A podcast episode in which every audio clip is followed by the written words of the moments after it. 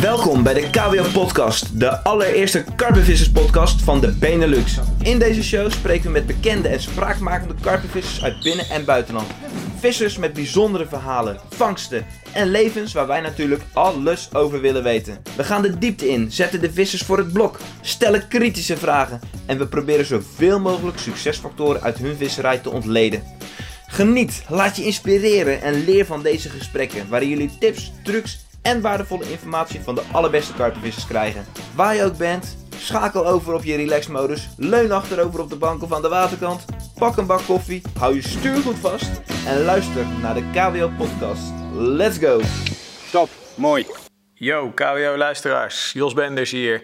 We zijn er weer met een nieuwe aflevering van de KWO-podcast. En dit keer eh, hebben we als gast Peter Vlasveld, bekende karpervisser, de laatste jaren. Veel te zien in de media, eh, in magazines, op KWO. Produceert zelf een hoop, is handig met video, foto en eh, vangt overal zijn vissen. We hebben met hem gesproken over zijn leven. Hij werkt als laborant. In het gesprek zul je zijn visie horen op allerlei technische onderwerpen, van aas tot rigs. Het is een leuk gesprek geworden. Ehm, hij praat erg makkelijk, dus het luistert, eh, luistert lekker weg. Ook weer meer dan een uur met hem in gesprek geweest. En we hopen dat jullie er eh, leuke tips en trucs uit kunnen halen.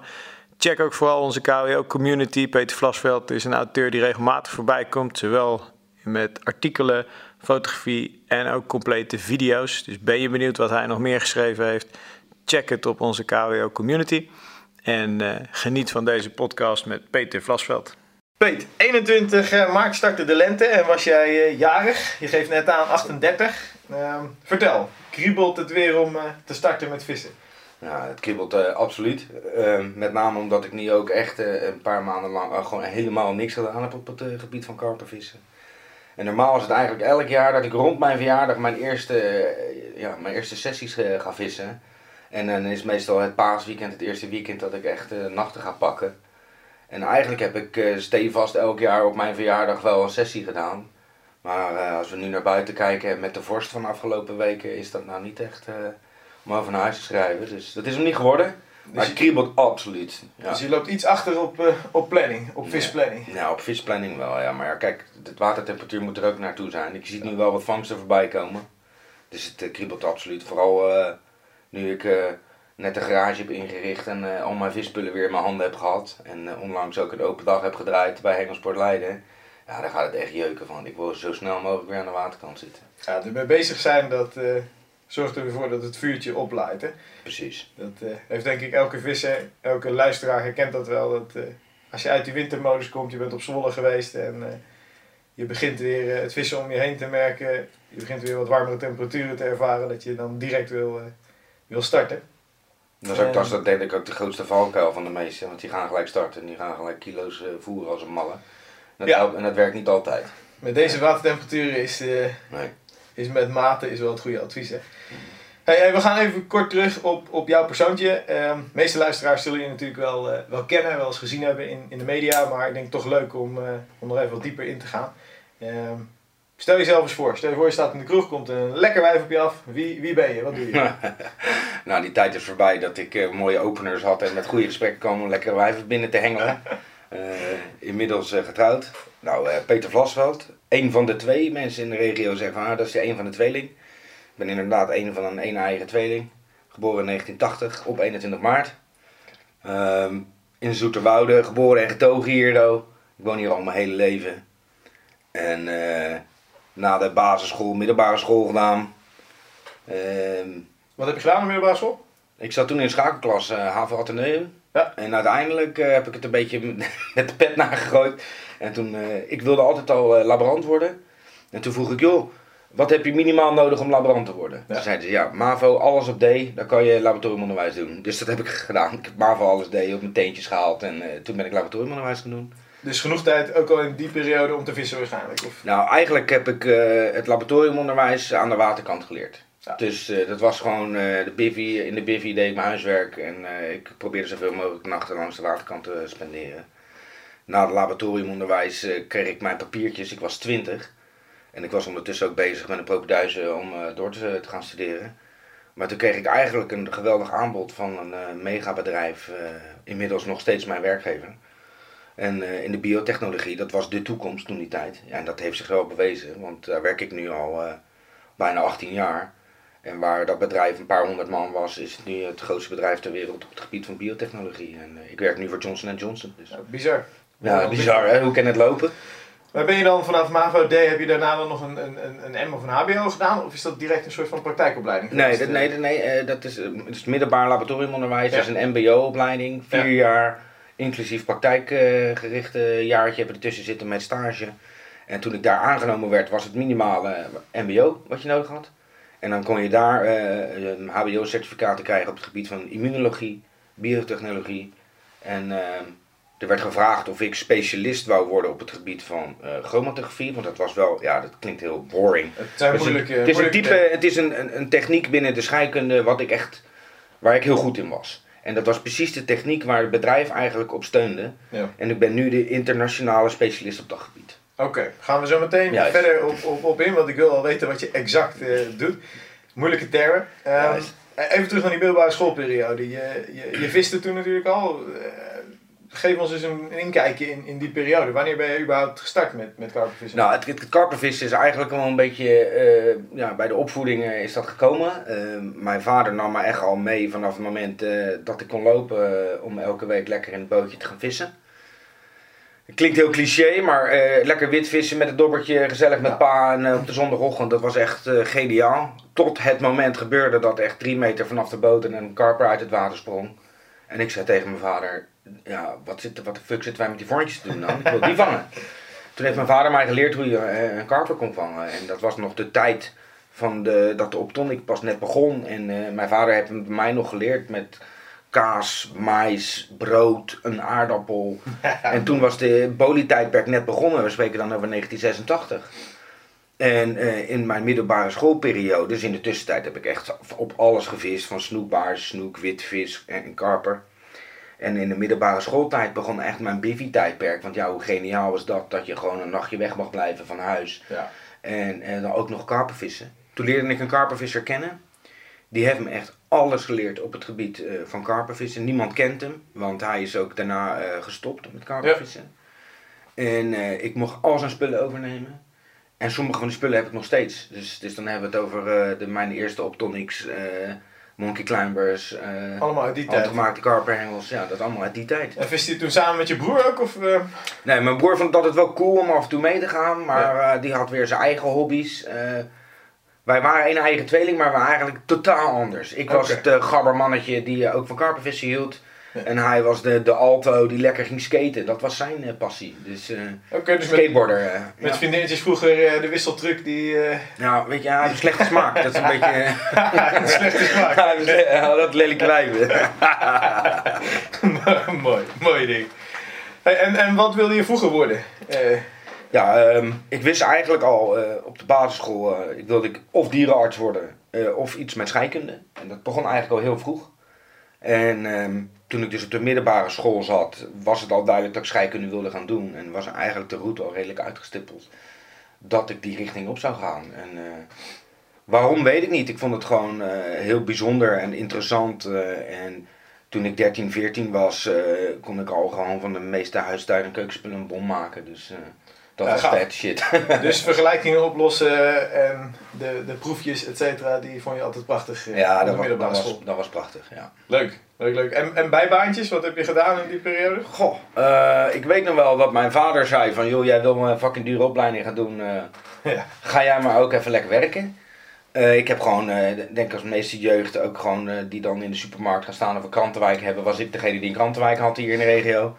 Eh, ik heb dus ook één zomer in een, een lasbedrijf gewerkt in de staalindustrie. Dus daar heb ik heel veel dingen geleerd waar ik echt geen spijt van heb. Want ja, wie kan er tegenwoordig lassen, slijpen, boren, tappen? Ja. Dat ken ik allemaal nu. En eh, ik heb in, eh, in, bij de Coolcat gewerkt. Ik heb zelfs bij McDonald's gewerkt. Dus gewoon Ja, de, de, de standaard bijbaantjes. En, en in de eh, Engelsport, ben je wel eens actief geweest in de Engelsport eh, in die Nooit. periode? Nee, nee? ik ben wel eens gevraagd van, joh, zou je het leuk vinden om zo nu en dan bij te draaien in een hengelsportzaak? Maar eh, dat was in de tijd dat ik al deze baan had. Ja, ik, ik heb het niet nodig. En B, eh, dat kost ook vistijd. Ja, ja, ja, je hobby eh, leidt daaronder, dat klopt. ja. Hey, en en nu even sprong naar, naar het heden. Ehm, je vertelt natuurlijk al Johnson Johnson. laborant is denk ik voor heel veel luisteraars een heel breed begrip. En die hebben geen idee. Die denken dat je in zo'n witte jas ergens aan het klooien bent met stofjes. Maar, maar wat, wat doe je exact? Wat, Nou, dat, dat denken heel veel mensen. Eh, die, zien, die denken dus dat ik eh, Breaking Bad eh, Ja. allemaal dingen kan doen. Dat is het eigenlijk niet. Tijdens dat- die scheikunde periode heb ik technieken geleerd hoe je stoffen kan scheiden van elkaar. Dat is, Ja. scheikunde is het scheiden van stoffen. En chromatografie is het scheiden van stoffen op, op molecuul- en ionengebied. Heel moeilijk, ja. maar je kan stoffen scheiden van elkaar. Ja. En er zijn bepaalde technieken voor. En die technieken die gebruikt men in de productie van medicijnen. Oké. Dus ik werk dus in een mega grote fabriek waar eh, medicijnen gemaakt worden. En heb ik het over vloeistoffen die je per infuus binnenkrijgt. Dus geen pillenstamper. Mhm. En op de technieken van scheikunde. Dus op grootschalig gebied maken wij het medicijn. En ik ben de specialist op het gebied van het scheiden van de juiste moleculen die je nodig hebt. Dus je begint met één grote erwtensoep en je eindigt met, eh, met een klein potje Exact wat je bij je de mensen... spreken. juist. En zit jij dan vooral in, in, in het productieproces of in het onderzoek en het, het ontwikkeltraject? Ik ben dus begonnen in het productieproces. Ja. En eigenlijk zit ik daar nog steeds als, onder, als ondersteuning. En ik ben de troubleshooter. Dus als er in dat proces een probleem is, bellen ze mij. We hebben een probleem, wat moeten we doen? En dat vind ik wel heel gaaf. Als je problemen hebt, ga naar Peter, die lost het op. En, en voor mijn beeldvorming, ik bedoel, het klinkt heel specialistisch. Eh, lopen er dan eh, een paar van dit soort eh, deskundigen in, in Europa, bij wijze van spreken? Of, of is Ja. het wel een heel specifiek vakgebied waar jij dan... Ja, nou binnen dit bedrijf hebben we een handjevol van deze mensen. Een team, Ja. een team van vijf. Ja. En elke week is er iemand anders aan de beurt om op te draven. Het is dag en nacht. Dus ik heb ook gewoon een telefoon bij me die dag en nacht rijdt. En eh, internationaal, wereldwijd gezien, kan je ze ook op één hand tellen die echt zich alleen maar bezighouden met deze technieken. Ja, want Johnson Johnson is, qua werknemers, een organisatie, dat is gigantisch toch? Ja, maar je hebt, je hebt meerdere takken. Je hebt de tak van eh, de tampons en de Ja. babyolie. En je hebt ook de tak van de biotechnologie. En daarin eh, zijn wij wel een van de grootste. Leuk man. Ja. Klinkt, eh, klinkt goed. Laten we het over vissen hebben. Ja, we gaan die stap zo maken. Ik wil nog een paar dingen wil ik weten om, eh, om luisteraars een wat complete beeld te geven van, eh, van jou. Ehm, ik heb een prachtige foto op Facebook voorbij zien komen. eh, steegje ergens in Frankrijk volgens mij, waar jij op je knieën bent gegaan. Ehm, vertel even, trouwen. W- wanneer kwam het in je op van joh, ik ga haar vragen en ik... Nou, weet je, is het. In mijn, in mijn afgelopen 38 jaar eh, heb ik aardig wat chickies er doorheen eh, versleten. En mensen zeiden, joh Peter, wordt het niet eens tijd om te gaan settelen? En toen zei ik altijd, ik ga pas settelen als ik de juiste heb gevonden. En ik ga pas aan kinderen denken als ik de juiste moeder heb gevonden. En enkele jaren geleden eh, ontmoette ik mijn huidige vrouw, Magdalena. Want vanaf wanneer ben je met haar samen, zeg maar? December 2014, dus eigenlijk helemaal niet zo lang. En ehm, dat ging eigenlijk best goed. We hebben, we hebben elkaar ontmoet en dat ging hartstikke leuk. Toen is opzij op een gegeven moment in het buitenland verder gaan studeren voor haar studie. Toen kon ik dus maximaal vissen. Ja. En vanaf het moment dat ze terugkwam, maar, eh, zijn we gelijk eigenlijk gaan settelen en gaan samenwonen in de in de Dat voelde gewoon goed, dat was ja, goed. als het gewoon goed is, zit het goed. En, Ja. en je bent ook wat ouder. Dus dan maak je die stap denk ik ook eerder. Kijk, als je, als je 20 bent, ga je niet zo snel die stap nemen. Want dan denk je, er is nog zat te doen. Ehm, maar die stappen hebben wij meteen genomen. En eh, toen zijn we dus eh, inderdaad een roadtrip gaan doen. Zij wilde dus mee eh, lekker een paar weken gaan kamperen, vissen. Nou, jij kent het verhaal op de, Ja. op de community, het kamperen. Ja, En ik wist al eigenlijk van tevoren van, weet je, het is nu al tijd voor een aanzoek. En eh, die ring die heb ik echt al een tijdje in mijn zak zitten. En tijdens die roadtrip ook. En ik koos het juiste, moment uit. En wij waren lekker uit eten geweest. Het was een prachtig mooie dag. We hadden echt wel mooie dingen meegemaakt. En toen uit het niets gingen we een rondje lopen na het eten. En kwamen we in dit steegje. En het was, het was gewoon echt het, Het moment. klopte. Het klopte gewoon. ah, mooi. En zij keek om zich heen van wauw, het lijkt wel of we in, in een scène zitten van een film. En wil je een foto van me maken? En toen dacht ik, ja, nou krijg ik het helemaal. Ja. Dus de camera kon- ging op de driepoot en ik, eh, ik zette Ja. hem op, eh, op fotograferen. En ik kon, eh, op afstand kon ik gewoon ook gelijk die foto's en filmen. Ah, super gaaf. Ja. Dat eh, is wel als, als het hoort, zeg maar. En ze zei ja. Ze ja, zei ja. gelukkig, Dus ja. gelukkig. Anders had je nog een groter probleem gehad. ja. Hey, en, en even terug op die, die roadtrip, hè? want ik denk dat veel luisteraars ook wel het idee hebben van oké, Peet, hoe krijg je nou voor elkaar dat je vrouw, ja, destijds vriendin, dan meegaat op een vistrip, het mooi vindt, verkassen, camping, vissen. Wat, wat, hoe hoe heb Ja. je dat voor elkaar gekregen? Nou, denk je, dat, dat was ook het meeste waar ik mee zat. Van zouden ze dat eigenlijk wel gaan leuk vinden? Ze is nog nooit van hun leven op kan, eh, aanwezig kamperen. Ja. Moet je dat ook voorstellen? Ja. Dus kijk, het is wat anders als je natuurlijk een divaatje hebt die op de Prada's rondloopt. Die zal waarschijnlijk niet zo snel meegaan. Maar zij was redelijk avontuurlijk ingesteld. En we hebben afspraken gemaakt van, oké, we gaan een roadtrip maken. Er gaat gevist worden, maar dat moet niet de basis zijn. De basis moet zijn, we maken een roadtrip en we gaan de mooiste plekken van Frankrijk gaan we- Vakantie gaan we, vieren. vakantie vieren. Ja. Dus we hadden ook afspraken gemaakt van oké, er wordt gevist, maar de basiskamp moet wel een camping zijn met een douche en een toilet Ja. en stroom. En Bepaalde luxe moeten zijn. Je gaat niet in fucking nowhere een, een week lang zitten en eh, dat zij om een hoekje moet gaan pissen en gaan kakken, want daar houden ze echt niet van. Maar kon jij dan compromis sluiten op, op visgebied? Want ik, ik ken je als een, een mega gedreven visser. En ik, ik, ik weet van de vissers om me heen. En ik heb het zelf ook wel dat ik dat heel moeilijk vind. Maar dat is, dat is je gelukt, zeg maar. Je hebt, Ja, dat was wel de grootste uitdaging ook, Ja. om, om, om niet alleen met het vissen bezig te houden. En het is al moeilijk genoeg, want je ziet op 20 meter afstand, 30 meter afstand, zie je een gruwelijk groot bak met water. Ja. Je weet dat er bakken zitten. Maar dat is gewoon tactisch doen. Dus gewoon eerst eh, de, het kamp opzetten, een voerstek aanbouwen, wat leuks gaan doen. ja, De voerstek zijn werk laten doen en afromen op de tijd dat je het kan afromen. ja, want dat is ook wel een, een, een, een, denk ik, hele concrete tip die we eruit kunnen halen. Dat je dus moet durven niet te vissen, om het zo maar te Ja, zeggen. hè? Dat, is het ook. Het ja. zijn werk laten doen. Ja, Ja. dus dat is natuurlijk iets wat heel gek klinkt. Dat je denkt van oké, als je hengels niet in liggen kan je niet vangen. Maar eigenlijk alle vissers die ik gesproken heb, ook alle vissers met een bepaald niveau, dat je denkt, die jongens die durven dus inderdaad stekken met rust te laten, voer het werk te laten doen, die vis vertrouwen te geven. En dan op de juiste momenten inderdaad je, je uren maken. Dat is Eh, inderdaad. En, en werkte dat? Werkte die formule ook voor jou daar? Ah, het was wel de moeilijkste tijd van het jaar om in Frankrijk in, in de zomervakantie eh, te gaan karpenvissen. Want je hebt heel veel recreatie, maar ook eh, het ontbreken van het nachtvissen. Want dat mag niet dan op de meeste Ja. wateren. En de zomer is ook niet mijn favoriete tijd, want het water, temperatuur is hoog, er is veel natuurlijk voedsel, er is veel recreatie. Maar ik wist op de wateren dat er karper zat. En als je gewoon een goede voerstek opbouwt en zorgt dat de vis vertrouwen krijgt, moet er eentje een keer eh, overboord gaan en geprikt worden. Dus de- ik heb niet mega veel gevangen, absoluut niet.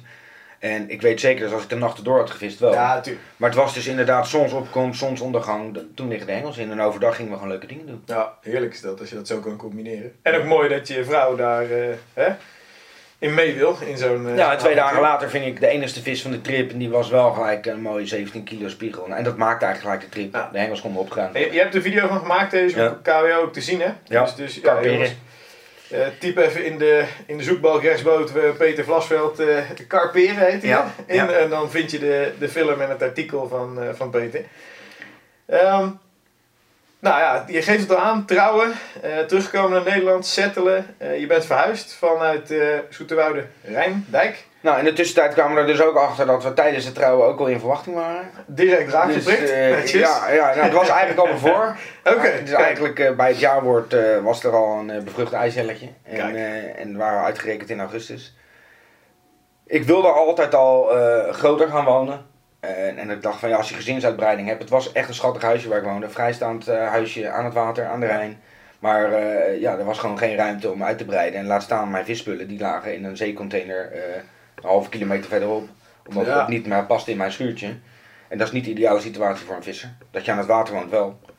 En eh, ik dacht, nou weet je wat we doen? Als die kleine geboren is en die is kerngezond en het gaat helemaal goed, dan gaan we kijken voor een nieuwe woning. En dat is eigenlijk heel snel gegaan. Ja. We hebben de woning gevonden, we deden een bod. Ik heb mijn huis dus binnen 24 uur verkocht.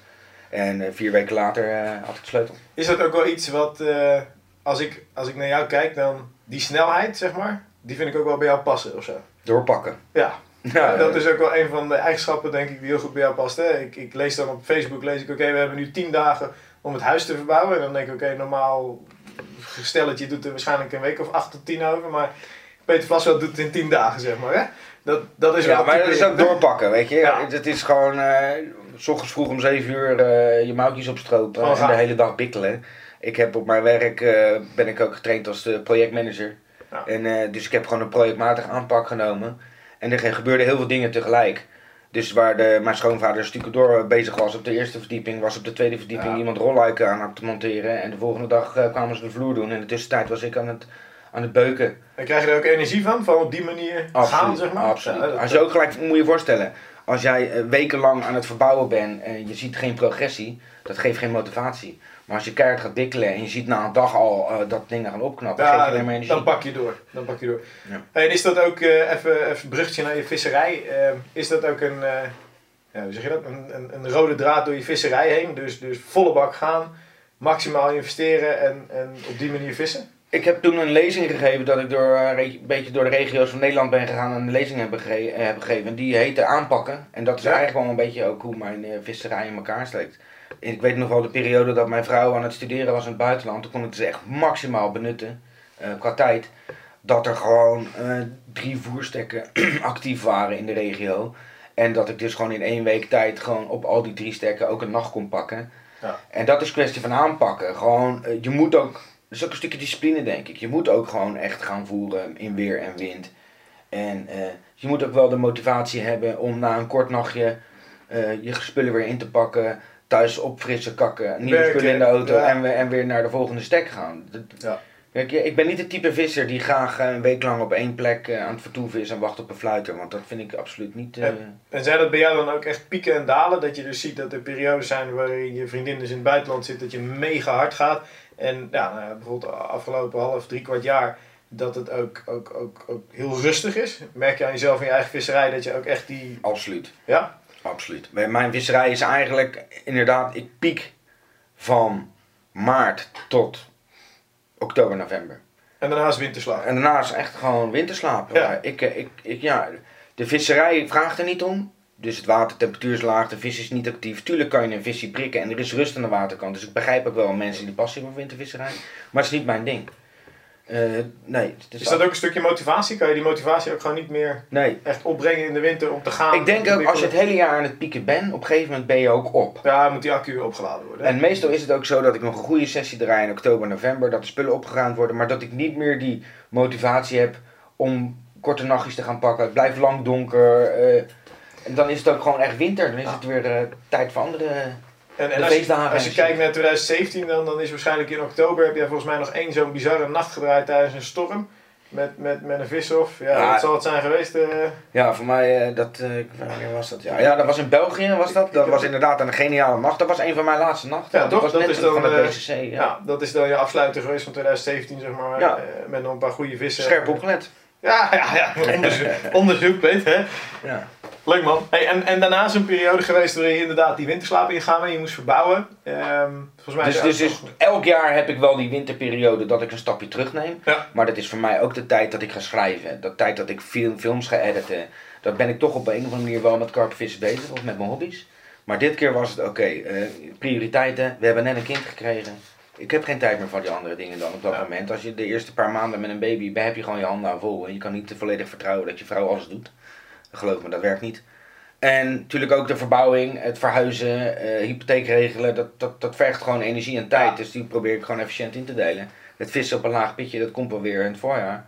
Ja. En vol ervoor gaan. En eh, dat is gelukt. En is die motivatie, eh, is die er weer helemaal? Maar ik kan eigenlijk niet wachten. Oké, dus is dit... eh, Nou, absoluut. Ja, hij, zit, hij zit te wiebelen op zijn stoel hier jongens, dus... eh, Ja, maar we, eh, we hebben ook deze winter bijvoorbeeld met PB Products nieuwe spullen op de markt gebracht. Waarvan ik echt niet kan wachten om die ook weer op Ja. eh, te gaan gebruiken. Dus dat, daarmee jeukt het ook als je daar toch een beetje mee bezig bent. Leuk.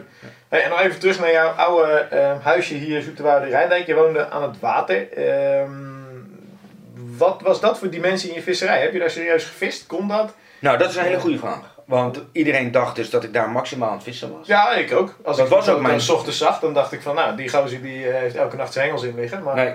Het is ook een droom die uitkwam van oké, een huisje aan het water dat je je hengels neer kan zetten.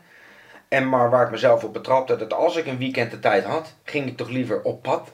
Ja. Als dat je thuis eh, eh, op de bank zit te wachten tot een fluiter is.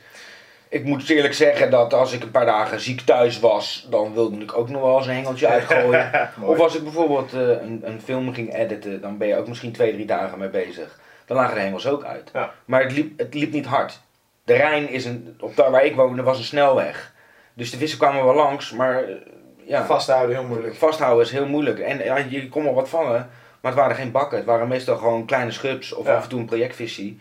Maar het liep niet spaak. Oké. Ik heb alles geprobeerd. Dus geen echte verrassingen dat je denkt van, eh wauw. Nee. En een paar kilometer verderop worden wel, werden wel verrassingen gevangen. Ja, dan eh, Dat zal je altijd zien. is de verleiding groot. om- Maar het feit dat je een bootje hebt liggen, dat je gewoon overal heen kan, dat is wel een hele mooie. Dat is een stukje vrijheid. Je had toch ook een of andere huisdier snoek of zo daar? Die Ja, dat is, ja, ja, ja, ja, dat is Dus- Hardy, de huissnoek. Eh, Ja. was inderdaad een, mijn buurman van 80, die zat er altijd te vissen en die kwam met een klacht van, joh Peet, wat voor tikkie, zegt hij. Elke keer als ik een vorntje heb, klapt er een snoek op. Ik zeg, Ja. weet je wat je moet doen? Ik zeg, ik pak eerst een paar vorntjes en je moet die snoek verzadigen. Je Dan voelt pakt hij het niet meer. Ja, ja. En, en daarmee kregen we dus eigenlijk een stukje dressuur, een positieve dressuur. Want die snoek lag eigenlijk gewoon elke ochtend te wachten totdat wij hem een vorntje gaven. ja. En het werd zelfs zo erg dat als je aan kwam lopen, voelde die de voetstappen, kwam die gewoon naar boven. Toen kwam hij naar boven. Lag er gewoon, dat was een snoek van, eh, geloof ik, 92 centimeter. En die leg gewoon te wachten tot hij een vorntje kreeg. Die wist precies hoe wat. Dus, eh, nou hopen dat je buurman hem nog voert. Hey, we gaan eh stap maken echt eh, meer richting je visserij. Want eh, het is allemaal leuk en aardig natuurlijk die persoonlijke achtergrond. Maar luisteraars willen denk ik veel meer de diepte in met betrekking tot jouw, visserij. Ehm, je woont hier in een regio die niet heel erg bekend staat om, om, om echt grote vissen, dikke vissen. Toch ben je volgens mij heel erg actief in deze regio qua visserij. Hoe, hoe, ziet dat eruit? Wat, wat zoek je in deze regio om dan toch je, je voldoening te krijgen? Nou, leuk dat je er naar vraagt, want dat is inderdaad een van de grootste uitdagingen hier in de regio. A, we hebben heel veel vissers. Je zit Ja. in de Randstad, dichte, dichte populatie. B, we hebben heel veel water. En C, we hebben inderdaad ook heel veel karpers. Maar het, alles zit wel met elkaar aangesloten. Dus de Rijn waar ik het over had, kon ik in mijn bootje stappen, kon ik naar Amsterdam toe varen. Of ik kon naar de Brazemermeer toe varen of wat dan ook. Ja. Het zit allemaal aan elkaar aangesloten. Het, zijn, het is niet zo dat, oh, daar zit die 20 kilo vis, daar ga ik eens op vissen. Want die vis die werd de volgende Nee, dag een paar kilometer verderop gevangen. Ehm, hier in de regio is het ook niet voor mij dat ik denk van hier ga ik de bakken vangen. Ik vond het juist prachtig om juist die plekken te vinden dat je een nachtje kan gaan zitten en dat je gewoon actie hebt. Ik heb liever eh, actie met negen vissen als dat ik drie dagen moet wachten op één bak van 25 kilo. Dat is niet mijn visserij. En hier in de regio, er zit heel veel vis. Maar als je een 15 kilo plus vis hebt, heb je echt een grote vis te pakken. Dan doe je het goed. Leuk. En, en jouw belangrijkste motivatie om, om te gaan vissen op dit moment, is die, is die veranderd de afgelopen jaren? Merk aan jezelf dat je met een ander gevoel naar die waterkant gaat? Ik bedoel, je hebt veel gevangen, je hebt grote vissen gevangen. Is dat dan een andere insteek om, om je spullen te pakken en te gaan? Nou, ik denk, ik denk eigenlijk dat, dat die motivatie of, of de reden om naar de waterkant te gaan, is niet veranderd. De reden om naar de waterkant te gaan is om je, om, om je passie uit te voeren, om je hobby uit te voeren. Het alleen al aan de waterkant zitten en, en eh, hersenloos over je eh, hengels heen staren naar het water en eh, het opnemen van de natuur, dat is waarom ik naar de waterkant toe ga. Ja. En dat ik dan succesvol of niet ben, is eigenlijk ja, het gevolg van hoe je je visserij toepast. Het is niet zozeer dat ik mijn doelen heb behaald en dat die motivatie er niet is. Nee, dat is absoluut niet Je zo. gaat nog ik- steeds gewoon met dezelfde drive en die, die Absoluut. behoefte aan ontspanning. Zie ik een je- water en zie ik een kringetje en dan je stap vissen? ik nog steeds in de Ja. remmen en dan stap ik uit om te kijken of de karper is. En Ja, dat dat is- is eigenlijk maar nog steeds mijn drijfveer. En, en, en als je dan een nachtje of je hebt ergens een sessie gedraaid, wanneer is, is voor jou een sessie geslaagd? Ik bedoel, welk, welk, welke voldoening wil je halen uit je eigen visserij? Dat je thuis komt en tegen je vrouw zegt van, eh, oké, dat was weer heerlijk. Ik heb, eh, ik heb mijn ding gedaan, ik heb gevist, fantastisch. Wat, wanneer is Nou. een sessie geslaagd? Ik kan dus net zo goed genieten van een blank. Want ik heb ook heel veel passie voor de natuur. En als ik s ochtends wakker word met een bak koffie in mijn hand en, en er vliegt een ijsvogel voorbij of ik kan die fotograferen, dan is voor mij ook al een sessie geslaagd. Maar als je vraagt op visgebied wanneer is een sessie geslaagd, is als ik bevestiging heb gehad. En bevestiging kan door middel van een fluiter, kan door middel van drie vissen. Maar ook als de vis op de stek is of als er wat activiteit is, dat betekent toch dat jij je instinctief, dat je je instinct gevolgd hebt en dat het klopt. Dat je goed zit. Dat, het, Ja. dat je goed zit. En dat is voor mij ook al een bevestiging. Ben, je, ben je dan een hele strategische visser? Ben jij heel erg tot in detail bezig met, met, met eh, stekkeuze, eh, voorvoeren, eh, je technische aanpak? Ja, Ja? ja, absoluut. Want als er geen vis zit, ga je ze niet vangen. Dat is, dat is eigenlijk, dus als jij een stek kiest omdat het een mooi stekkie is, dan zit je verkeerd. Je moet een stek kiezen omdat je denkt van daar kan de vis zich nu momenteel ophouden. En dan is techniek, hoeft niet eens. Als jij gewoon de basistechniek gebruikt en je zit op de plek waar de vis zit, kan je dan, ze vangen. dan prik je ze wel. En als je dan heel erg kijkt naar deze periode van het jaar, hè, dus je zegt joh, eh, het is eind maart, eh watertemperatuur is laag. eh, je het kriebelt wel, je gaat, naar, je gaat een water uitzoeken. Waar, waar let jij nu op als je een Temperatuur. Temperatuur, maar dan maar de eigenschappen van het water. Waar, waar kijk je naar als je On- nu... eh, ja, ondiep water Ja. of ondiepe plekken. Dus, dus nu is het koud. De vis is wel al in de modus van ik moet zo gaan vreten. Ik kom uit de wintermodus. En als nu het water op kan warmen door een paar uur zon of door een zachte zuidwester of een ondiepe baai, dan is daar waar je zoeken moet. Daar ga je naartoe. Ja. En, en laat je dan überhaupt de wat diepere, laten we zeggen, zandwinningsputten, eh, eh, die, die 10 meter plus zeg maar, laat je die überhaupt nog helemaal met rust? Of, of, of heb je daar komende maand wel. Ja, komende maand. Want, want ja, die komen ook wat later op gang. Maar je moet toch rekening houden dat in mei eh, de vis in de paaimodus gaat. Ja. Dus in de maand april, mei, in de aanloop daar naartoe, kan je ze wel al weten, oké, daar is de paaizone. Dus op de weg daar naartoe kan je ze wel opvangen. Maar zijn het dan nu, nu zijn het vooral voor jou dat je eh, focus legt op, op parkwatertjes, sloten, eh, wat ondiepere putjes. eh, zijn, zijn dat dan de type wateren die je in deze periode uitzoekt? Eh, ik zoek juist nu de, de wateren waar de populatie aan de hoge kant is. Dus als ik nu bijvoorbeeld een grote zandput aan ga pakken, dan ga je weinig succes boeken. Ik kies dan liever de circuitwater uit, omdat je weet dat er meer vis is, heb je ook meer kans op wat te vangen. En eh, de openbare wateren hier in de buurt laat ik nog even links liggen, totdat echt die temperatuur boven de 12, 13 graden is. Dan ga ik nu liever naar een circuitwater of een, inderdaad een parkwater in de buurt. En die, van die paar uurtjes dat je langs de waterkant zit om nog even een leuk visje te prikken. En we begonnen het gesprek, eh, gaf je al aan van joh, eh, veel vissers die maken nu in deze periode de fout dat ze eigenlijk direct beginnen met, met voeren al. Hè? Eh, hoe, hoe kijk jij, wat, wat is jouw mening over voeren in deze periode met deze watertemperaturen? Nou, de meeste vissers die er nu op uitgaan en gaan voeren, die willen te snel succes boeken. En die houden geen rekening met het feit dat andere vissers ook voeren. Maar die houden ook geen rekening met het feit dat die visser nog helemaal geen voedsel nodig heeft. Ja. En die vis die komt uit die wintermodus, die wil wel al wat eten, maar houd één ding in, in je achterhoofd. De watertemperatuur is laag. Dus de vis beweegt amper. En als de vis niet beweegt, heeft hij geen voedsel nodig. Dus dan gaat hij dat ook niet opeten. Dan, je bent eerder een stek aan het verneuken, als dat je een stek aan het opbouwen bent.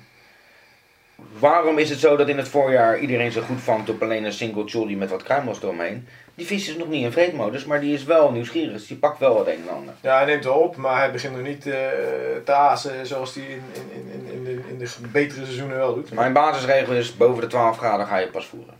En, en als je nu dan een stek uitkiest in deze periode, dan kies je hem eigenlijk puur op verwachting dat de vis daar zit. Ja. En je voert hem ook helemaal niet aan. Jawel. Ook geen, Of lichtjes. Ja, maar goed, een handje, een handje bollen. eh, Ja, of juist niet eens bollen nog. Nee. En waar, waar, waar- als je geen bollen gebruikt, wat gebruik je in deze periode? Ik- Dan juist kleine, kleine deeltjes voer. Dus dat heb ik het over stukjes bolie, Ja. of hele kleine bolies, of eh, particles, droogvoer. Het moet interessant zijn. Soms voer ik hem niet. Mais, gebruik je dat wel eens in deze periode? Absoluut. Blik? Ja, blikmais is... eh, is eh, Nog steeds. en dat is ook leuk om met het pennetje af te romen. Dus je kiest wat plekjes uit. In de polderwater kan je wel al, eh, dat is ondiep, het warmt eerder Ja. op. Gewoon drie, vier, vijf plekjes maken met mais en afromen met pennetje. Dat zorgt meestal voor meer vangsten als statisch achter je hengels zitten. Ehm, ik denk dat veel luisteraars jou niet echt als, als penvisser zien. Maar dat is dus nog wel steeds een, een onderdeel van je visserij, begrijp ik. Dat, Absoluut. Ja? Ehm, elk uurtje dat ik, ja nu is het misschien anders, maar dan spreek ik over de afgelopen tien jaar, is dat als ik een paar uurtjes de tijd had, dan wil je die toch op een of andere manier kunnen benutten. Ja. En dat kan ik. Ik kan net zoveel voldoening halen uit een mooi water uitkiezen en daar een voerstek. eh kijk, voeren is net zo leuk als vissen zelf. Maar ook ehm, op een avondje dat het een beetje windstil is, de oppervlakte afromen. Dat geeft zoveel adrenaline eigenlijk. Ook al klinkt het heel boring, maar een vis die op de oppervlakte vangt vind ik nog een van de vetste dingen die er is. Maar ook het pennetje.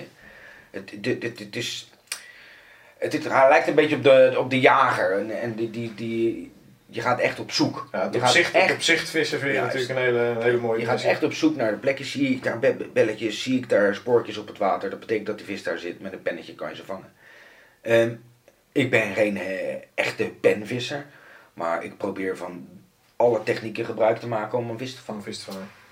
En, en luchtdruk, is dat in deze periode voor jou al een, een, een ben jij daarmee bezig? Nee. Eh, helemaal niet. Nee, helemaal niet. Oké. Luchtdruk zegt mij alleen wat eh, hoe het weer zich gaat gedragen de komende dagen. De veranderingen. De veranderingen. Ja.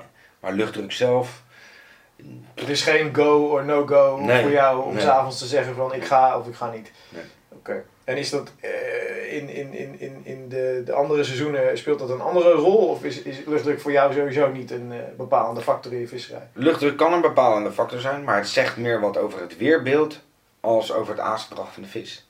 Het zijn de factoren, het zijn meerdere factoren die bij elkaar komen. De tijd van het jaar, de temperatuur, zuurstof ja of nee. Kijk, als het een week lang 30 graden is en windstil En hoge luchtdruk en het slaat om, dan ga je van weinig zuurstof en ik naar veel zuurstof. Dus het zegt meer, het is meer een van de factoren die kan bijdragen aan je vangsten. Maar het is niet de basis om thuis te blijven. Je houdt het in de gaten, maar het is voor jou geen doorslaggevende factor. Nee. Oké. Hey, en, en, en technisch, hè? je geeft net al aan van joh, als je op de goede stek vist, vis is er, dan is elke basisrig goed om te prikken. Ja. Ehm, zie je jezelf als een technische visser? Ben je... Ik kan een technische visser zijn. Ik heb ook op betaalwateren gevist. Doe ik nog steeds. Circuitwateren. En daar komt techniek wel eh, om de hoek kijken. Vooral de vissen die schuw zijn, helder water. Daar moet je toch dingen anders gaan doen. Maar als ik nu naar een nieuw water ga, ik, ik ga begin nog steeds bij de basis. Dat is gewoon een normale lijnen rig. Ja. Eh, piemellengte eh, aan, start ik mee. En, en daarna gaan we wel verder kijken hoe, hoe, de, hoe het vangt, ja of nee. En het shot. Die zet je ook veel doen. Of een solid PVA bag. Het is maar net welk type water. En dat zijn eigenlijk de drie basistechnieken waar ik mee ga beginnen. Ga ik, kom ik op een betaalwater aan. Het eerste wat ik doe, shortje uitgooien of een PVA zakje uitgooien in het donker omdat je toch niet, niks ziet. En de volgende ochtend ga ik echt op onderzoek uit. En in de meeste gevallen heb je dan de volgende ochtend al vast vis. En is het dan zo dat je ook eh, naar de omstandigheden je montages aanpast continu? Ben je daar continu mee bezig? Of heb je vertrouwen in je, je basisaanpak en ben je veel meer bezig met, met waar is die vis? Is die aan het azen? Ehm, zijn dat veel meer belangrijke factoren voor jou in je visserij? Kijk, je, je- hebt niet voor niks zo belachelijk veel keuze tussen je materialen. Je, je- de keuze van je materialen is inderdaad doorslaggevend. Ga jij op een helder water met een eh, lichte bodem met donker materiaal vissen, zal je eerder snel- minder snel vangen. Dus tuurlijk kies ik mijn materiaal uit. Maar de basis is nog steeds gewoon een normale loodclip met een liedertje en een lijnen rig. Maar ik kies wel de kleuren en dat soort dingen wil Ja. ik wel afstemmen. Maar heb ik veel waterplanten, kies ik voor een andere lijn. Eh, heb ik diepte, ga ik daar anders op vissen. Dus ik probeer mezelf wel eh, te verdiepen in hoe ziet het er onder water uit en hoe presenteer ik mijn aas het best. Ja. Maar ben je het dan met me eens dat een stukje vertrouwen in gewoon je, je, je, je standaard aanbieding van je aas, dat dat veel belangrijker is en veel beter werkt op de lange termijn dan het continu switchen van, ik, ik zie heel veel vissers die dan continu switchen van aanpak. Bedoel, als jij Ja. vertrouwen hebt in jouw basispresentatie en die klopt eh, op, op hoofdlijnen, ben je dan een visser die daar ook gewoon het geduld heeft om, of, of ben je eigenlijk continu aan het, Nee. aan het aanpassen? Aan Ik denk dat ik het antwoord zelf al gegeven heb. Want degenen die juist continu aan het switchen zijn, zijn niet zeker van hun manier van Mhm. aanpak. En die willen steeds switchen omdat ze denken dat er op een andere manier wel gevangen kan worden. Maar het komt weer neer op die basis. Als die vis daar is en ze zitten op jouw aas en je hebt gewoon een, een basistechniek met een scherpe haak, dan ga je gewoon vangen. Ja, dan ga je haken. Dan ga je haken. Dus, Ja. dus daar heb ik echt, daar hoef ik niet te lang over na te denken. Maar zit ik een paar uur, ik kan zelfs na een paar uur vissen en er is niks gebeurd. Er is geen activiteit te zien dat ik mijn spullen inpakken en ergens anders heen ga. Want dat gaat toch dan niet gebeuren. Ja. En dat is moeilijk voor veel vissers om dat te doen. Ja, om dat te erkennen en dan je spullen te pakken en gewoon... Ja. Ja, lastig is dat. En dat zie je bijvoorbeeld aan Michiel en, en Mark die eh, op hun buitenlandtrips, hoe ze dat ook doen. En andere vissers kunnen dat niet begrijpen. Maar ja, het kan zeker inderdaad wel doorslaggevend zijn. Ja, ik denk dat het heel belangrijk is in je vertrouwen dat je zoveel vertrouwen hebt in je eigen manier van vissen. Dat je inderdaad durft te stellen dat als die vis er niet is en die vis niet aast, dan ligt het niet aan je, je montage. Of aan je manier waarop je ligt Nee. te vissen, maar dan ligt het gewoon aan tijd, plek. En dat moet je dan op een andere manier gaan invullen. Ja. Dus je moet gewoon simpel. De vis is er dan niet. Ja. ja. Ander bruggetje. Ehm, sponsoring. Je hebt natuurlijk in het verleden heb je best wel wat eh, voor merken gedaan. Volgens mij ben je op dit moment alleen nog voor PB eh, actief hè? Ja, Ehm, en ook een stapje teruggenomen. Op de achtergrond. Nou, laat ik bij het begin beginnen. Ehm, hoe is het eigenlijk begonnen? Dat is jaren geleden was er een soort van talentenscout van Spiegel Magazine samen met KGB Bates. Ja. En ehm, mijn vis, ik was wel heel gedreven in mijn karpenvisserij dat ik me voor mezelf had besloten van ik zou wel wat meer kunnen doen. Niet zozeer dat dat voor mij een must is, want ik denk dat er zijn ook veel vissers die gaan naar de waterkant en die willen zo graag presteren of voor een bedrijf vissen. Dus als je te graag wil, kom je er ook niet. Ga eerst maar eens wat vangen. Ga eerst maar eens een keer leren vissen, zeg ik dan wel eens.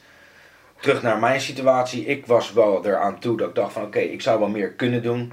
Ik had een uh, affiniteit met, met, met, met, fotografie, uh, met filmwerk, Ja. maar ook eh, het, het schrijven.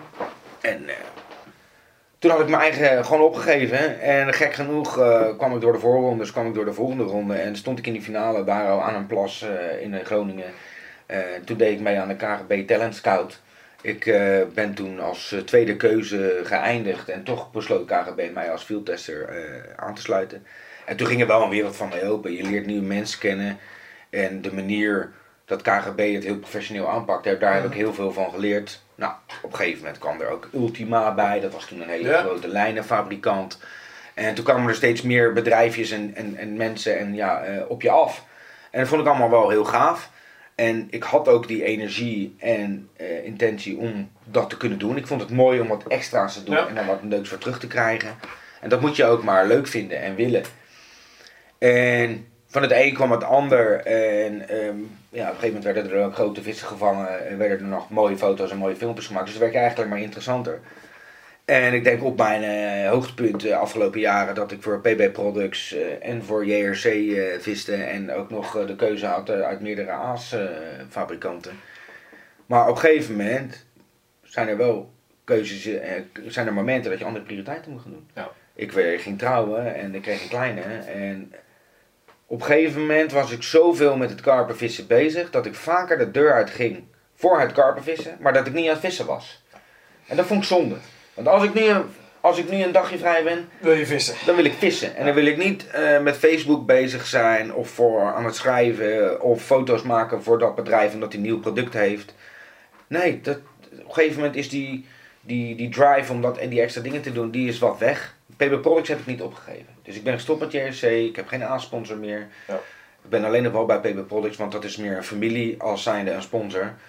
Want dat team dat is zo hecht en wij kennen elkaar zo goed en we doen nog steeds heel veel eh, aan innovatie en we challengen elkaar om met nieuwe dingen te komen. En Dus, dus ook qua, qua productontwikkeling bij PB, daar ben je eigenlijk heel nauw bij betrokken, toch? Absoluut. Ja. Absoluut. En, en eh, ik denk dat een heleboel jongens het heel interessant vinden hoor, maar hoe ziet dat eruit? Ben jij ook degene die op, op, op de tekentafel zit? Geef je feedback op, op sampleproducten? Hoe, Ah. hoe werkt dat? Ik denk dat het verschil met andere grotere bedrijven en sponsoren is dat is puur en alleen Hollands. Het zijn Hollandse mensen, we zijn gewoon lekker nuchtere leienaars eigenlijk en mensen uit heel Nederland en België die, die dingen bedenken. Ik ben niet degene die aan de te- tekentafel zit. De, eh, als je kijkt naar de, de eh, mede-eigenaar, bijvoorbeeld Marcel Oulier, is zelf ook een karpervisser in hart en nier, ook een snoekvisser. En eh, die komt zelf ook met ideeën, en, maar die is er de hele dag mee bezig. Die gaat ook naar Azië, dus die ziet ook wat andere bedrijven doen. Maar die heeft ook een team achter zich staan, die ook continu bezig is.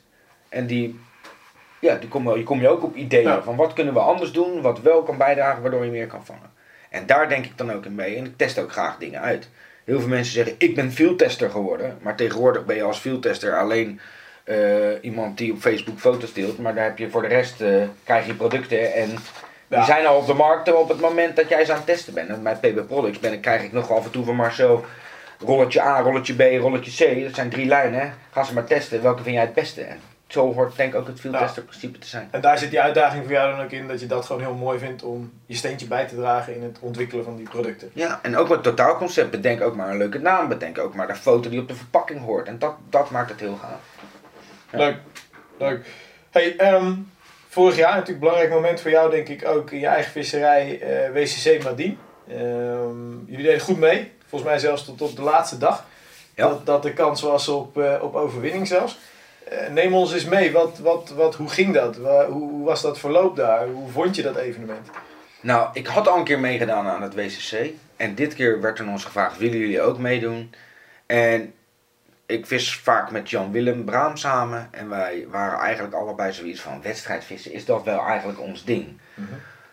Maar, willen wij meedoen? Lakte Medien is natuurlijk wel heel vet. En je moet het gewoon ook een keer gedaan hebben. Wij gingen dan ook die trip in als wij gaan lekker een week vissen. Weet je, ik was net papa geworden. eh, Jan Willem heeft ook zijn eigen bedrijf en, en, en, en twee kinderen. Dus wij gingen meer daarin, was we gaan lekker een week vissen. Ja. En we gaan gewoon ons ding doen, want wij zijn toch eigenlijk, ja, ik ga niet zeggen dat wij een topteam zijn, maar we vullen elkaar mooi aan. Ehm, wij gingen daar gewoon in van, wij gaan, wij gaan gewoon een week ons ding doen. En het zal natuurlijk alles te maken hebben met de stekkeuze. En aan het begin hadden we helemaal geen vertrouwen in de stek die we zouden krijgen. Maar Ja. toen we daar zaten dachten we, oh, dit is toch wel redelijk centraal. Dit gaan we toch wel zodanig aanpakken dat wij de vissen toch ook wel kunnen benaderen op een centrale plek.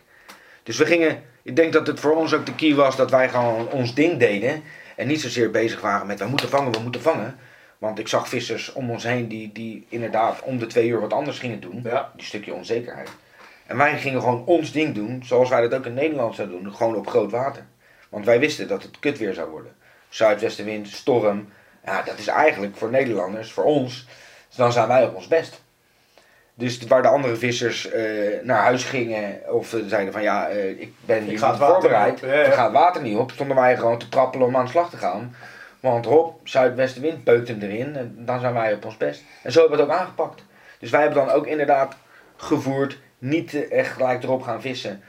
En het vertrouwen gehad in het voer. Ja. En ook in onze techniek. En dat heeft zich meteen terugbetaald doordat we ook gewoon wel gelijk gingen vangen. ja. En jullie lagen tot, tot met de laatste dag qua kilo's net achter toch op, op, op, Ja, plek dus, 1. dus om ons heen werd er wel wat gevangen op de potentiële stekken. Zo. Ja. En natuurlijk, er zit daar zoveel vis en het is echt, het ruikt naar karper. Dus dat Ja. er, als er 100 teams zitten, gaat er ook wel iemand wat vangen. Ehm, maar wij begonnen te vangen en het liep nog niet echt hard. Er waren wel de Duitsers die een paar 20 kilogram vissen hadden. En wij vingen op onze derde dag ook al meteen een 20 kilo vis. En dan wordt het een keer interessant, want dan kom je op het leaderboard. Ja, dat gaat hard natuurlijk met die kilo's hè. Maar toen bleven we ook vangen. Ja. 17 kilo, 16 kilo. Nou, en toen dus, dus, ja, op een gegeven moment stonden we dan ook echt de eerste. En toen was de top 3, alle drie Nederlanders. Want wat, wat, wat, welk moment was dat? Hoe ver voor het eindsignaal? Zeg Tot de laatste, tot de, een- tot de laatste nacht Ja, stonden stonden rijden we bovenaan. En die laatste nacht dat het weer stil viel, viel bij ons ook stil. Gingen Ja. de vissen weer terug naar de reservaten. En toen begonnen eh, die, eh, die Engelsen eh, die begonnen ook te vangen. En de Duitsers gingen ook weer vangen, want die- Ja. die, stonden, ja, daar, die zaten echt op goede stekken. Ja, en die vingen dan ook gelijk een paar beukers. Maar ik, heb, ik gun het ze van harte, want ja, dat je tegen Tim Paisley staat, dat is toch fantastisch dat je daarvan verliest. Dan, ik buig alleen maar voorover respect voor die oude bazen. Mooi, Dus wij zijn uiteindelijk zesde geworden, want eh, de andere stekken die nog niet gingen vangen, gingen vangen. En bij ons hield het op. En als je wil winnen, moet je gewoon blijven vangen of zorgen dat je de drie grootste hebt. En, is dit iets wat je... Ga je dit nog een keer doen? Is dit, past dit in je visserij? Of zeg je van joh, het was prachtig en... eh, het, Weet je, eh, nu, nu wij succes hebben geboekt, denk ik, ah, het is misschien wel leuk om nog een keer te doen. Ja. Als ik het zelf, nou, ik ben gewoon heel eerlijk in. Als ik het zelf zou moeten betalen, fuck nee. Ik ga, ik ga niet eh, zoveel geld neerleggen. eh, Om mee te doen gebonden te zitten ja. aan één stek met 100 teams om je heen. Ja. Nee. Ehm, maar Lacte Medin heeft mij wel gepakt dat ik nog een keer terug wil.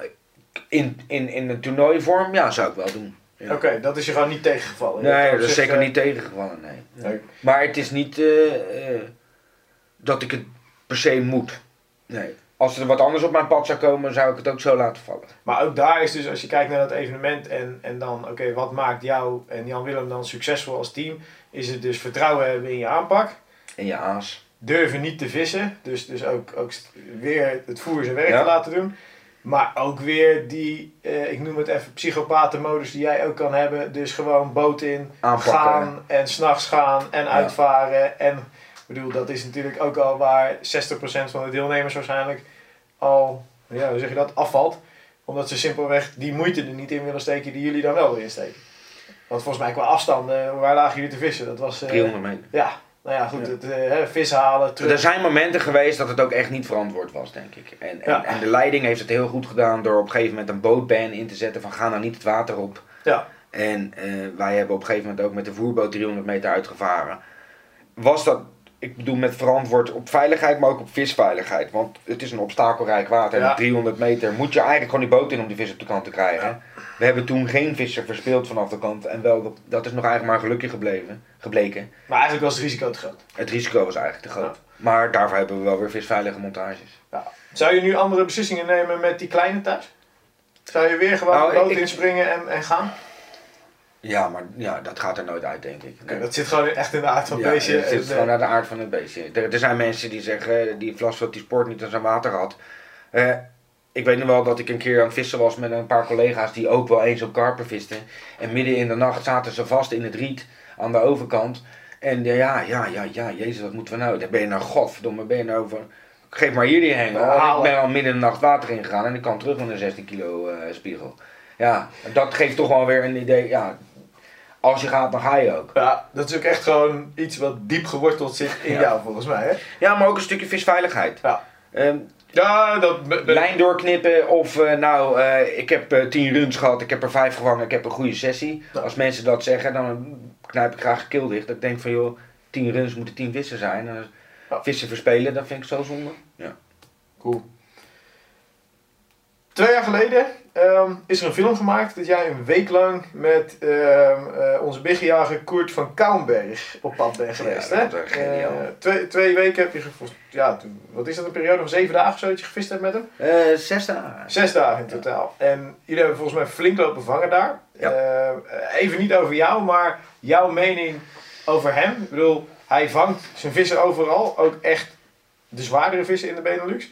Zag jij in zijn aanpak nog dingen waarvan je zegt van... Nou, dat heeft mijn ogen zo geopend. Of dat was zo interessant. Da- Daar is mijn eigen visserij is daardoor veranderd of zo. Dat niet. Dat niet, maar ik heb altijd wel. Ik, heb, ik, ik las vroeger heel veel. Eh, en ook vanuit de Engelse eh, boeken van de lijn daarna. En daar zag je kleine dingetjes die het verschil maakten. En die zag ik. Waar ik altijd wel het vermoeden van had en zelf ook rekening mee hield. Maar wat ik zie bij Kurt van Kouwenberg. Is dat hij ze ook echt altijd toepast. Dus ja, die single hoekbeet buiten de voerstek. Iedereen heeft het erover, maar niet iedereen durft het. Ja. Hij heeft ook de bal om het te doen. Hij legt hem gewoon neer Hij legt hem gewoon neer. en hij laat hem liggen. Hij zegt, Flassie, jij gaat gewoon voor de actie, ik ga voor die bak. En verdomme, hij heeft nog gelijk. En hij loopt af ook. En hij loopt af ook en het is ook een van de toppers. Ehm, waarvoor hij succesvol is, heeft denk ik ook te maken met zijn manier van vissen. Hij vist niet altijd legaal. Ja. maar ik bedoel, hij eh, werkte in het weekend en is door de week vrij. Dus hij heeft ook die mogelijkheid om door de week te vertoeven op wateren waar anderen niet kunnen vertoeven. En zijn tactieken en aanpakken. En hij, hij stort zich er echt volledig in. En hij kan ook gewoon vijf dagen lang in de middle of fucking nowhere eh, bovenop de bakken zitten. En zijn hengels op de kant houden en wachten tot het juiste moment er is. En dat Ja. is echt een stukje discipline en geduld. En het vertrouwen, denk ik, van, eh, van, van de echte goede vissers. Dat ze dus het moment weten te kiezen om, om dan die vissen te haken, zeg maar. Ja. Waar anderen dus de tijd gaan uitzitten en hopen dat, dat er een vis op een gegeven moment de fout in gaat. Zijn die jongens die hebben gewoon echt het vertrouwen. En, Ja, maar ook die kleine dingetjes. Bijvoorbeeld, we weten allemaal, als je je aas voorweekt, Mhm. dan is de vis minder argwanend. argwanend. Eh, als jij verder gooit als de rest, dan ben, ben je ook. Dat soort dingen, Ja. daar is hij gewoon heel goed in. Ik ken weinig mensen die nu nog steeds gewoon naar de overkant van het meer kunnen mappen met een hengels. En, en, hij kreeg, en dat was ook het, bijvoorbeeld het verschil wat hij maakte op Hombeek. Hombeek is een water waar heel Europa Ja. vist voor die bakken. Maar gooi jij 110 meter, ga je geen run krijgen. Maar gooi jij 150 meter, 140 meter, ga je wel een run krijgen. Dus dat maakt ook het verschil. En daar focust hij zich dan zo op qua materiaal, qua manier Ja. van vissen. Dat hij dus net het verschil kan maken ten opzichte van, eh, Ja. van de rest.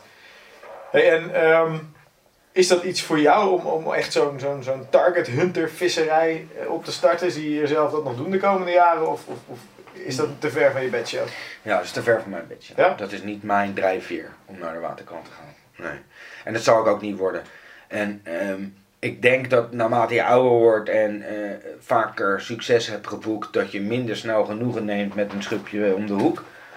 En dat je misschien toch wat kilometers verder rijdt om op een water te vissen waar ook bakken zijn. Dat geef ik toe, dat klopt ook inderdaad. Maar ik zal nooit echt een targetvisser worden die alleen naar dat water gaat omdat daar die vis zwemt. Nee, dat is niet mijn, mijn type. Niet jouw visserij. Nee, absoluut niet. Hey, en, en je bent eh, volgens mij een jaar of twee geleden ben je ook je, je eigen bedrijfje begonnen. Eh, je productiebedrijf. eh, Ja. gefocust op video. Hoe, hoe actief ben je nog op het moment? Nou, dat is, een, dat is een goede vraag. Ehm, in in de, mijn periode dat ik heel actief was in de, in, in de carperwereld, ehm, ben ik me steeds meer gaan ontwikkelen op het gebied van fotografie en film. En eh, heb ik ook cursussen gevolgd. En als bedrijven dan gebruik daarvan willen maken, ja. Wil jij voor 100 kilo bolies even een, een fotoshoot doen of wat dan ook? Op een gegeven moment was ik er eigenlijk helemaal klaar mee. Van ja, daar schiet ik niks meer op. De hele garagebox al vol met bollen. Ja, nou, en, Of dan vroegen ze, heb je een KVK-nummer? Want dan kunnen we zaken doen. En toen dacht ik van, weet je wat? Ik ga wel gewoon een bedrijfje beginnen. Dan ben ik ook interessanter maar dan kan, voor bedrijven. Maar dan kan ik ook gewoon deeltjes maken en, en er misschien wat leuks aan overhouden. Ja. Dus ik doe het niet omdat ik er van rond moet komen. Want ik heb gewoon een goede baan. Maar eh, ik doe het omdat ik het leuk vind.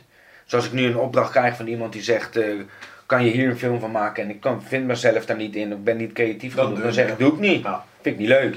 Dus, en ik heb vroeger nog steeds een passie in sportauto's. Een van mijn eh, vaste klanten is een eh, bedrijf in sportwagens. Daar doe ik de fotografie en wat films van. Dat vind ik hartstikke gaaf om te doen. Voor KWO doe ik nog wel eens wat Ja. dingen op film- en fotogebied. Dus ik doe het alleen omdat ik het leuk vind. En als ik het niet leuk vind, doe ik het niet. En voor jou is het dus op dit moment is het weer meer hobby en, en Meer hobby. een passieproject, zeg maar. Ja. Als je het gaaf vindt, dan doe je het.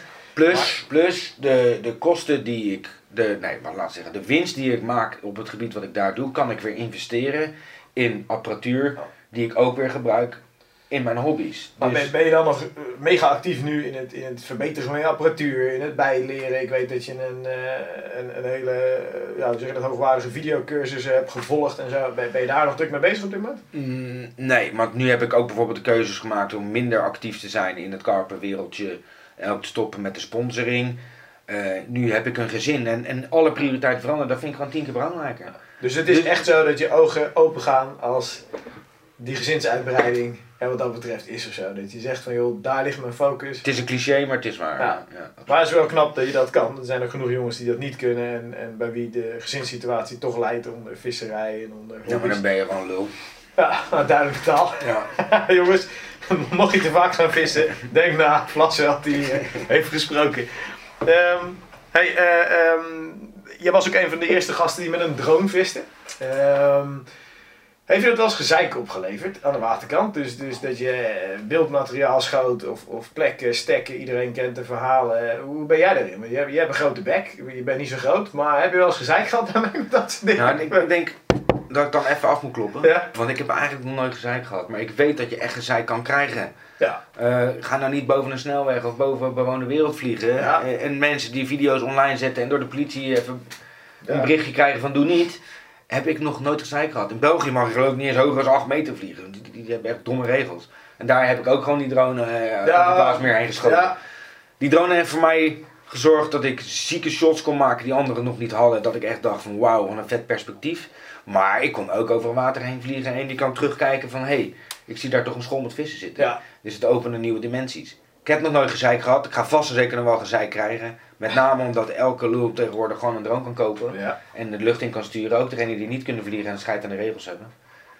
Eh, En, en andere vissers? Ik bedoel, is dat nog wel eens een, een rol geweest in jouw visserij? Dat dus, ja, je, publiceert veel, je, je- laat natuurlijk best wel wat zien. Eh, heeft je dat wel eens eh, op kritische noten... Tuurlijk zijn er altijd wel vissers die een mening hebben. Van Jezus, jij komt op mijn water, jij geeft dat vrij aan de publiciteit. En nu, die, maar er is nog nooit die iemand naar mij toegekomen is. En die het persoonlijk tegen mij durfde te zeggen. Wel achter mijn rug om, en- maar ik heb scheid aan iedereen. Ja. Maar ik doe het. Ik heb scheid aan iedereen als je over mij lult.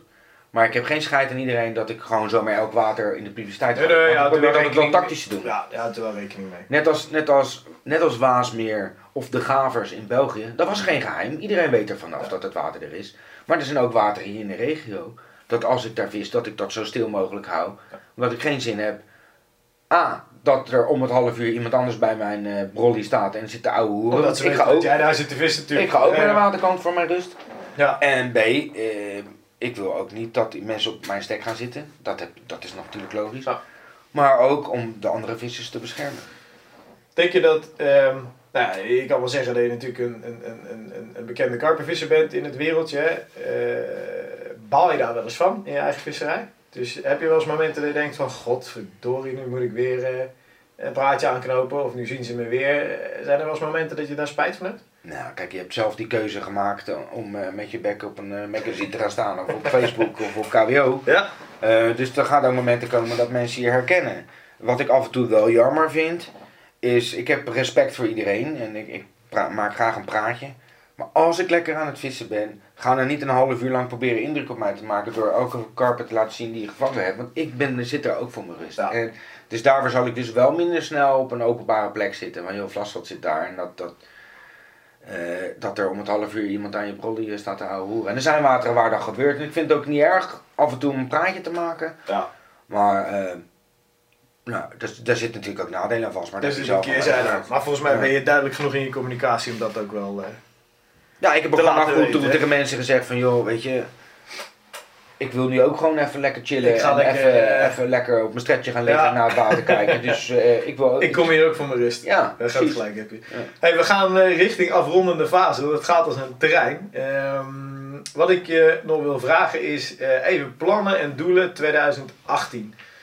Hoe, hoe zie je dat? Hoe zie je 2018? Wat, wat heb je bepaalde doelstellingen in je visserij? Buitenlandtrips? Wat, eh, Eigenlijk eh, heb ik, ik ben nooit echt van het plannen. Ik heb nooit een, eh, een, voor mezelf een route uitgestippeld van ik wil daar een sessie doen en daar een sessie doen. Ik zie meestal wel wat er op mijn pad komt en meestal komt het ook vanzelf en ga ik vanzelf ook op zoek naar wateren. Ik heb nu wel een trip gepland met vrouw en kind. Ja, En Hongarije met mijn broer, eh, nee, nee, wij gaan, naar- we gaan naar Frankrijk. Ah, oké. Eh, Ja. betaalwater reviewed eh, ga ik doen Ja, eh, voor leuk. KWO. Leuk. En, en daar kijk ik wel heel erg naar uit, want dat is eh, eind april. Dus ik kijk wel naar uit om gewoon lekker een weekje met vissen bezig te zijn met vrouw en kind en met mijn broer en zijn, eh, en zijn vrouwtje. Dus het gaat heel gezellig worden. Dat is eigenlijk het enige wat echt al gepland is.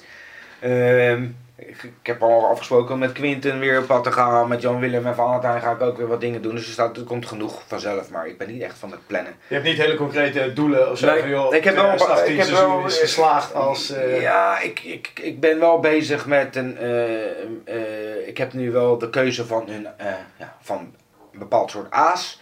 En ik kan, er staat wel echt te popelen om daarmee aan de slag te gaan. Want die heeft maar vorig jaar ook echt heel veel vis opgeleverd. Maar kunnen we daar al wat meer te horen van krijgen? Of is dit nog eh, onder de radar? Of, eh, Ja, Maar- nou ja, nu ik het erover heb. eh, ik vis sinds vorig jaar wel, sinds de WCC heb ik belachelijk veel vertrouwen gekregen in het aas van. Ja. En vorig jaar, als ik, elke keer als ik met Jan Willem samen ging vissen, viste ik ook met het aas en was er gruwelijk veel succes. Dus daar heb ik nou echt wel vertrouwen in. En het is belangrijk dat je 100% achter je aan staat. En daarom ben je, maar kan het je seizoen maken. Dus daar wacht ik eigenlijk wel op. en, en, en als je zegt 100% achter je aan staan en vertrouwen erin hebben, nog even, eh, we houden het kort door, maar wat zijn voor jou factoren dan in een bol? Of, of, of, of wat moet een bol uitstralen? Waar moet een bol aan voldoen? Wil jij zo'n bol met vertrouwen inzetten? nou, dat, kan je, dat kan je pas zeggen als je ermee gevist hebt. Ja, maar het is natuurlijk een startpunt. Er is een startpunt waarop jij zegt van joh, ik- Nou, je kan niet verwachten van een, eh, van, een, van een bol van 2 euro per kilo inkoop dat je daar meer mee vangt als een eh, kwaliteit eh, Mhm. bol waar je gewoon, die wat duurder is. Maar wat, wat zijn jouw voorkeuren als je kijkt naar eh, zoet, vis, structuur? Waar, waar, waar hecht jij waarde aan als je een aaskeuze maakt? Het, ik denk structuur. ehm, weet je, het, het zit ook een beetje tussen je oren. Als je die bol in je hand hebt en je haalt hem bij elkaar en denkt zo, nou, dit ziet er verzorgd uit, dit is een goede bol. Dan ben je eerder overstag als dat het een keiharde chemo-bol is die uit de, uit de fabriek komt rollen met een beetje flavor erin en wat er gewoon een basis is. Maar eh, ik hou wel erg van het, het, het, het hartige, dus het zoet en, eh, en het vis met elkaar combineren. Ja. Eh, of twee verschillende bollen door, door elkaar mengen als ik ga voeren. En dat heeft vorig jaar toch wel gebleken. Ja, En vis je dan gewoon reddies? nee, Oké, vriezers. Tegenwoordig Ja? vriezers. Ja. Oké, je bent echt weer overgestapt. Er zit daar een bepaalde overtuiging achter? Nee hoor, nee hoor, ik vis nog net zo goed met reddies. Ja. Maar eh, dit aas is een vriezer. En eh, hij ligt nu bij mij in de vriezer. Oké. En eh, ja, weet je, er zijn, wateren, er zijn wateren in de regio waar ik ben gaan vissen. En dat ik dacht van, ah, af en toe een visie. En waar ik dit aas gebruik en dat er gewoon zes vissen uitkomen. Klaar. We hoeven niet langer over te discussiëren. Dan is het gewoon het aas hetgeen dat gewoon het goed. verschil maakt. Ja. Ja. En, en, en discussie vriezers, reddies, heb je daar nog een bepaalde mening over? Zeg je van joh, ik vind echt dat... Ik denk dat die vis het ten ene reet uitmaakt. Oké. Dus eigenlijk net zoals menselijke voeding, of jij nou eh, een, een vers product eh, eh, vanuit een vriezer of gewoon een product wat iets geconserveerd is. Ja, iedereen zal bepaalde voorkeuren hebben, maar in de basis zie jij geen... Als jij je hele leven lang bruine bonen uit blik eet, ja, dan ga je ook gewoon 50 jaar oud worden. Ten opzichte van eh, die superfood eh, bomenknuffelaars die alles organisch willen hebben en wat dan ook. Het maakt wel, ik denk dat, natuurlijk is, de, is, is een goede voeding de basis van een gezond leven. Maar ik denk dat er voor een karper neemt iets minder, heeft iets minder prioriteiten. En als die gewoon honger heeft, dan wil die gewoon vreten. wil die vreten, Tuurlijk, zo op een dressuurwater een kale bol zou die links laten liggen en kiezen voor een hoogwaardige bol. Dat. Hey, en, en als een van de laatste vragen. ehm, wat kunnen de, de, de KWO-luisteraars van jou nog verwachten 2018? Eh, nou, BTW Revealed productie natuurlijk, als je, Ja. als je geweest bent. Heb je nog andere vette plannen? Wil je nog bepaalde artikelen, video's maken? Waar? Eh, dat is een goede vraag. Volgens mij Eh, ligt er nog altijd een artikel ergens op de, de plank, er ligt nog zat op de plank zelfs. En ik heb zelfs nog zat videomateriaal en gave momenten die ik meegemaakt, maar nog geen tijd gehad. Alles zal meer op of ik tijd heb. Maar eh, we hebben de KWO-volgers en ook mijn Facebook-volgers. Die hebben vanzelf al gemerkt dat ik iets minder actief bezig ben. Maar ik zal nog steeds, als ik langs de waterkant zit, ga het nog steeds, maak ik nog steeds filmpjes. Ik ga nog steeds foto's maken. En ik deel nog steeds graag leuk eh, de verhalen. Dus dat ga ik zeker ook nog doen. Ik denk dat het in 2018 gaat zoals ook je verbouwing gaat. En, en ik vind het altijd wel mooi als ik jou bel, dan zeg je van het komt, het komt. En dan is het even stil en dan opeens krijg je een appje of een berichtje en drie dagen later heb je het artikel. Zeg maar. Volgens mij is dat wel de modus waarop je zeg maar, werkt. Hè? Je, je, je start dit, je maakt het af en je levert het op. Dus daar zijn we ook erg, eh, erg blij mee. Ik ga je on the spot zetten. Dat is het laatste stukje van ons, eh, Oh onze podcast. Direct keuzes maken, gewoon instinctief, niet politiek correct antwoorden, gewoon gas erop. Ja, Ehm, drank of drugs? Drank, Met een vismaat naar Frankrijk of solo? vismaat, Rotpot of banksticks? bankstick, Blond of brunet? brunet, Voeren of instant? voer, Een onbekende 21 kilo schub van een groot water of een bekende 28 kilo spiegel van een circuitput? onbekend. Nooit meer in Nederland vissen of nooit meer in het buitenland? Nooit meer in het buitenland. Nooit meer in het buitenland. Pennen of korsten? Die vorige was moeilijk hoor. Penno of Korsten? Korsten. Korsten vind je mooi. Geert Wilders of Mark Rutte? Hij heeft niet gestemd jongens deze week, daar begonnen we voor het officiële gedeelte mee. Maar als je toch zou moeten kiezen? Ik wou eigenlijk zeggen geen van beide, want Ja. iedereen belooft ons van alles en ze krijgen niks klaar. Maar dan kies ik toch voor Geert Wilders. Met de vrouw een weekje all in op vakantie of met een vismaat op avontuur naar Frankrijk? Sorry schat. Dat zegt genoeg. op afstand vissen of onder het eigen kantje? Afstand. En dan sluiten we af met eh, ja, jou te bedanken voor deze lange podcast. Ruim een uur zijn we inmiddels bezig, jongens. Ehm, dag of 14 zijn we er weer. Met eh, ongetwijfeld andere interessante vissen waar we weer eh, een stukje levensverhaal ontleden en, en visserij dieper op ingaan. Peter, jij bedankt. Jongens kunnen je zien over twee weekjes op 14 april op de KWO in Action Day. Daar is Peter Vlasveld bij. Die vist daar live. Mocht die van tevoren al eh, gepubliceerd zijn, deze podcast, kom die kant op. Je kan je nog opgeven. En eh, Peter, ik zou willen zeggen, laten we in het najaar nog een keer spreken. Want volgens mij kunnen we nog wel een uur vol lullen. Ja hoor. Dankjewel man. Graag gedaan. Zo, dit was hem. Hopelijk hebben jullie genoten van deze KWO-podcast. Nou, en wil je genieten van nog meer verhalen en avonturen? Bekijk dan een van de honderden updates die inmiddels voor je klaarstaan op de KWO-community. Vanaf 4,95 per maand ben je member en krijgt onbeperkt toegang tot alle vette films, artikelen en video's. Daarnaast scoor je ook nog eens dikke kortingen bij de diverse partners van KWO. Kortom, word member, bekijk alle updates op de website of download de KWO-app in de App Store. Jongens, tot de volgende aflevering.